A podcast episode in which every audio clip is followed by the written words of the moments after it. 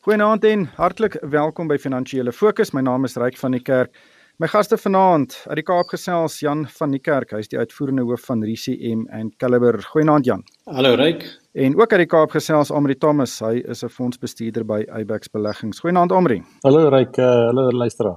Ons praat nou al die afgelope paar weke oor die geweldige negatiewe impak wat die inperking op ons ekonomie het en ons het weer hierdie week verskeie amptelike voorspellings gesien wat dui op 'n dubbelsyfer inkrimping van die ekonomie en miljoene mense wat hulle werk kan verloor.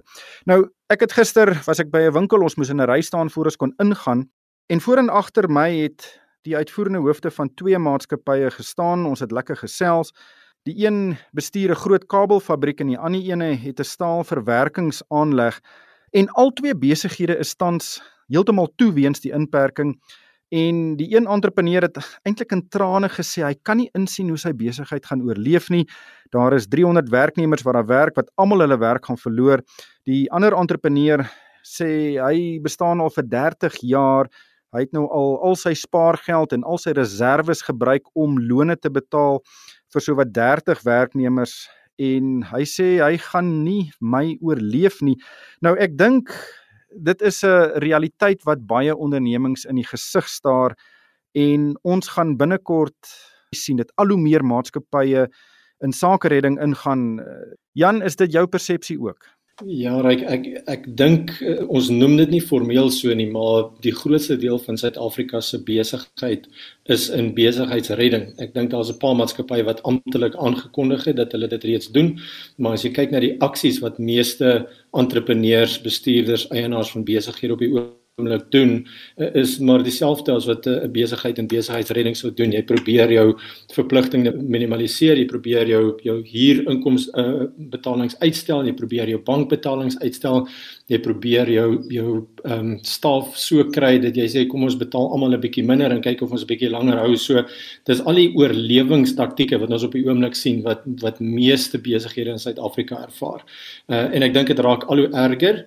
Uh en die deel wat miskien psigologies vir besigheid die moeilikste is is die onsekerheid oor wanneer dinge gaan beter raak omdat daar nie geen ehm um, klarigheid is oor hoe die verskillende vlakke van van die inperking gaan ontsluit.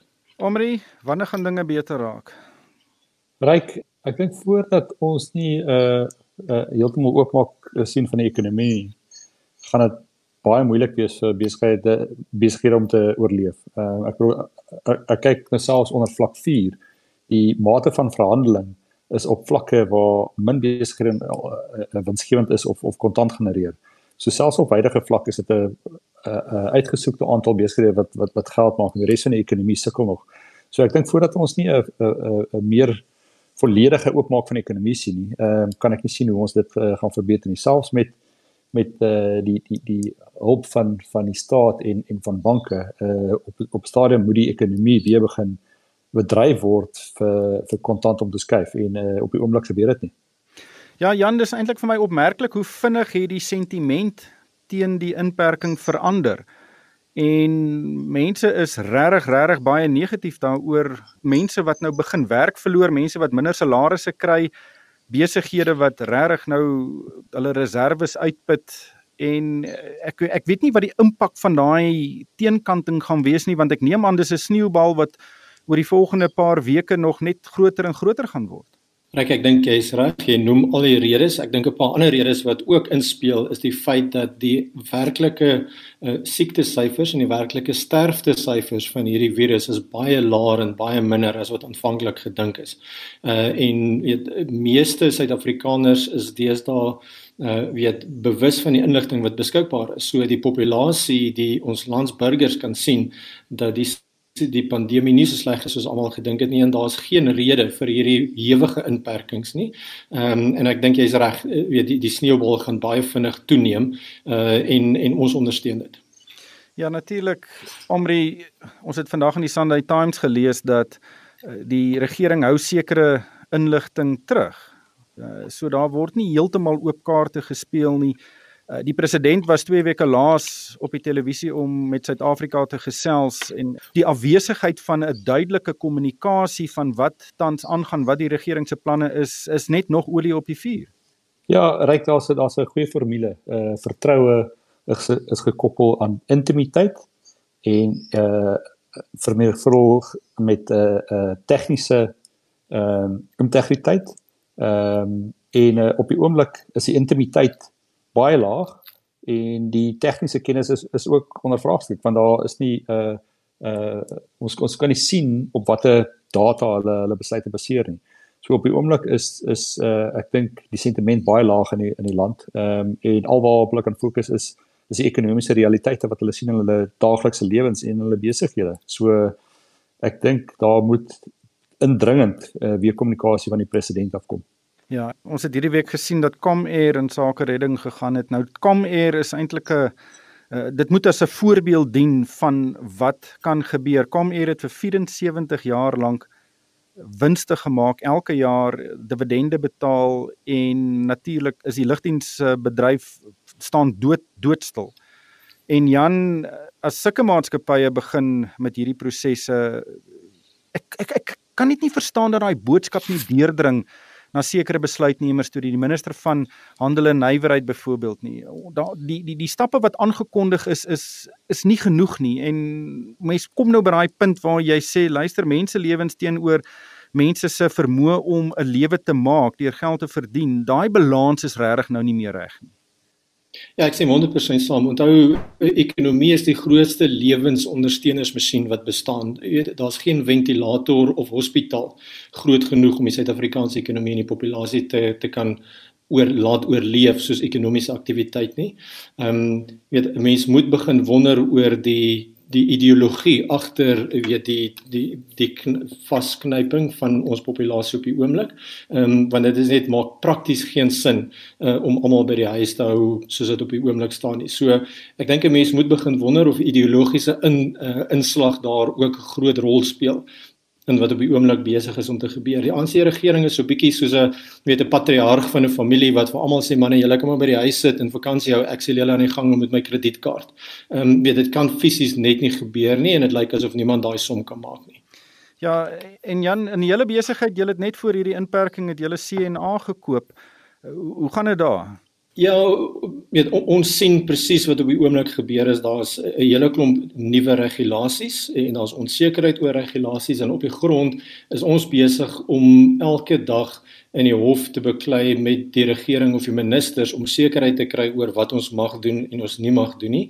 Ehm um, dis al uit my plek het wees om nou kommentaar op CNA self te se se aktiwiteite te, te lewer.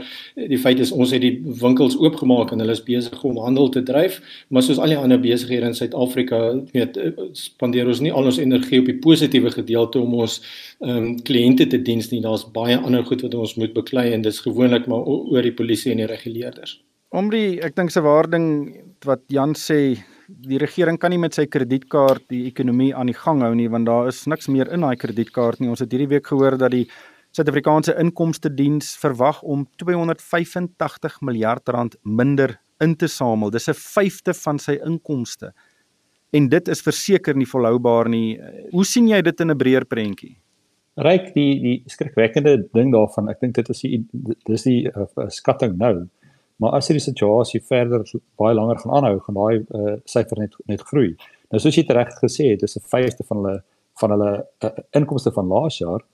Ehm um, maar ek dink ons gaan 'n strukturele vermindering sien in daai vlak selfs as die ekonomie ook weer weer oopmaak. So daai geld uh, word geleen van toekomstige generasies. Dit is skuld wat ons gaan moet aangaan om ons uh, begroting uh, te laat klop. Ehm um, so dit is ons kinders wat daarvoor gaan moet van gaan moet betaal en dis toekomstige groei wat daarvoor gaan moet betaal. Ehm um, so weer eens ehm um, en dan is daar besluite soos om eh uh, nie tabak te verkoop nie wat een van die groot verdieners van van inkomste is vir uh, belastinginkomste en tog is die informele sektor of die die sluikhandel in sigarette baie lewendig en en jy, jy sukkel nie om sigarette te kry en dit is net nie wettige sigarette nie. Ehm um, so dit is dit is 'n uh, weer eens die logika agter eh uh, van die besluite eh uh, maak net nie sin nie. Kan julle sien natuurlik is uh, Abex beleggings se batebestuurder, kan julle sien dat mense geld onttrek om rekeninge te betaal?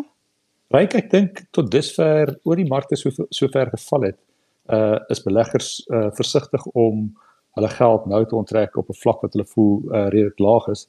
Maar ek dink uh hoe langer dit gaan aanhou en deur hoe meer salarissiklusse ons gaan waar mense nie hulle uh, maandelikse salaris kry nie, gaan hulle begin hulle beleggings likwideer. So dit is net 'n dis nie of nie, dis wanneer. Ehm um, so dit is net 'n kwessie van tyd. Ja, ons het ook natuurlik gesien wêreldwyd is daar probleme, die probleme wat ons nou in die gesig staar is nie uniek nie. En en en vir alle lande soos Amerika wat se werkloosheidskoers net so ontplof het basies. Dis die vinnigste periode in Amerika se geskiedenis waar ons gesien het dat miljoene en miljoene mense hulle werk verloor. En natuurlik is dis die verwagting ook in Suid-Afrika. Maar natuurlik ons ekonomie indien hy nou op 'n een of ander vorm aan die gang kom, hopelik binnekort, eh, gaan dan ook nog gestraf word deur 'n swak internasionale ekonomie, 'n wêreldekonomie waarop ons so aangewese is. Ja, ek ek dink ja die die die werk in diensnemingswetgewing in Amerika is baie anders in in Suid-Afrika. Ek dink jy met die tegniese aspekte rondom die Amerikaanse verligtings uh, um betalings ook in ag neem. En weet baie van my kollegas en vriende wat Amerika besigheid doen, het vir my verduidelik dat die rede hoekom hulle baie van hulle mense weet laat gaan het, het te doen met die tegniese reëls oor hoe hulle geld kon ontvang van die stimulasie die 2 trilljoen dollar wat in die laaste 2 maande gebeur het. So ek dink die die ongelooflike toename van werkloosheid in Amerika, daar's 'n tegniese aspek, maar ek dink nie 'n mens moet dit weet onderskat nie. Dit is ongelooflik hoe vinnig so baie mense sonder werk sit. Ehm um, die punt is die Amerikaanse ekonomie kan daai arbeid weer vinnig absorbeer wanneer hulle spoed opdaal. Uh struktureel in Suid-Afrika is ons wetgewing so swak dat jy weet as ons nou werkloos werkgeleenthede verloor, gaan dit baie langer neem om daai arbeid weer in die ekonomie op te neem. En dis hoekom ek dink dis ongelooflik hoeveel besighede jy het genoem van die entrepreneurs wat met wie jy gister gesels het. Almal doen hulle bes om hulle werknemers uh, in diens te hou en om saam te werk om te sien of ons aan die ander kant kan uitkom omdat ons almal weet hoe moeilik dit is om weer mense in diens te neem. Een van die onderwerpe wat ons bespreek het is die verligting wat banke bied. En FNB en Absa het hierdie week aangekondig hulle het reeds verligting aan kliënte gegee van meer as 10 miljard rand. Maar die bekommernis onder daai entrepreneurs was dit is in die vorm van lenings wat hulle later weer sal moet terugbetaal en die onsekerheid oor hoe seer hulle besighede gaan kry maak hulle baie baie skugter om daai lenings te aanvaar. En indien die ekonomie so pap bly, kan dit ook 'n verdere probleem skep in die toekoms in. En entrepreneurs weet dit. Ja, reg en en en jy bedink daai 10 miljard rand wat wat uitgeleen is. Dit is aan kliënte wat die banke dink uh die vermoë het om dit te te gaan maak wat wat op winsgewende vlakke verhandel het voordat die krisis begin het. Nou moet jy weet daar's baie besighede wat wat wat naby aan gelykbreek was want ons ekonomie was reeds in 'n baie swak posisie voor ons in hierdie krisis ingegaan het. Daai maatskappye daai maatskappye banke is versigtig om nou goeie geld uh agter hulle aan te gooi want die kanse vir hulle om te oorleef is is is skraal. So dit is dit is net besighede wat al reeds uh half bewys het hulle hulle gaan dalk weer winsgewend kan kan kan bedryf. Maar soos jy reg op opmerk as as die uh verhandelingsvlakke nie terugkeer na waar dit was nie en hierdie ekstra rentelas word op die besigheid geplaas, dan kan baie van daai besighede ook, ook ondergaan. So dis ongelukkig uh 'n baie moeilike situasie. En daar dink ek die die leningsskema saam met die regering waar um, hulle omtrent 200 miljard of 200 uh, eh, miljard rand geallokeer het en uh, waar hulle bereid is om uh daai lenings te waarborg. Ek dink dit is 'n uh, dit gee 'n bietjie hoop, maar weer eens lenings moet terugbetaal word. Mense wou sien dat daar dalk 'n bietjie afskrywing van skulde gebeur of of of of uh suits, maar ons het nog nie ons het nog nie dit gesien nie. Jan, kan dit enigstens 'n impak op ons banke en die bankstelsel hê indien daar in die toekoms 'n toename in 'n skerp toename in slegte skulde is? Ja, kyk dit dit kan 'n uh, uh, invloed hê. Uh, jy moet onthou dis omtrent nou 'n maand gelede wat die Reservebank um, vir die kommersiële banke baie verligting gebied het in die, in die vorm van die hoeveelheid regulatoriese kapitaal wat hulle moet hou. Ons somme het gewys dit is omtrent 300 miljard rand se verligting Ehm um, en dan boonbehalwe dit het die regering dan nou verdere 200 miljard rand gewaarborg. So ek dink die die bankstelsel in Suid-Afrika omdat ons oor die jare konservatief gekapitaliseer was, ehm um, en met hierdie ekstra verligting is, is ons redelik ver daarvan dat die Suid-Afrikaanse kommersiële banke in die in die moeilikheid gaan kom. Ehm um, so weet een of ander tyd gaan daar slegte skulde wees en dit gaan afgeskryf moet word, maar ek dink ons banke kan dit hanteer. Ek bly om dit te hoor, maar ek dink die kernboodskap is maak oop die ekonomie. Omri net laastens Ek weet aandelemarkte is nie 'n barometer vir die ekonomie nie, maar maatskappye word gewaardeer op hulle winsgewendheid en die winsgewendheid van baie maatskappye gaan skerp daal in hierdie swak ekonomie. Wat dink jy van die huidige waardasies van die mark veral nadat ons hierdie skerp opwaartse regstelling gesien het in April nadat aandelemarkte so in Maart geval het? Dink jy daar is 'n balans en daai balans is reg op die oomblik? Ryk as ek begin by die Amerikaanse beurs wat eintlik uh, seker nog meer is herstel het as as die res van die markte. Is dit eintlik ehm um, verrassend om te dink die mark is nie baie ver van sy waar die jaar begin het nie. En ehm um, hierdie is seker die grootste krisis sedert die die Groot Depressie. So dit voel vir my of uh die markte uh ooreageer het met die opwaartse beweging.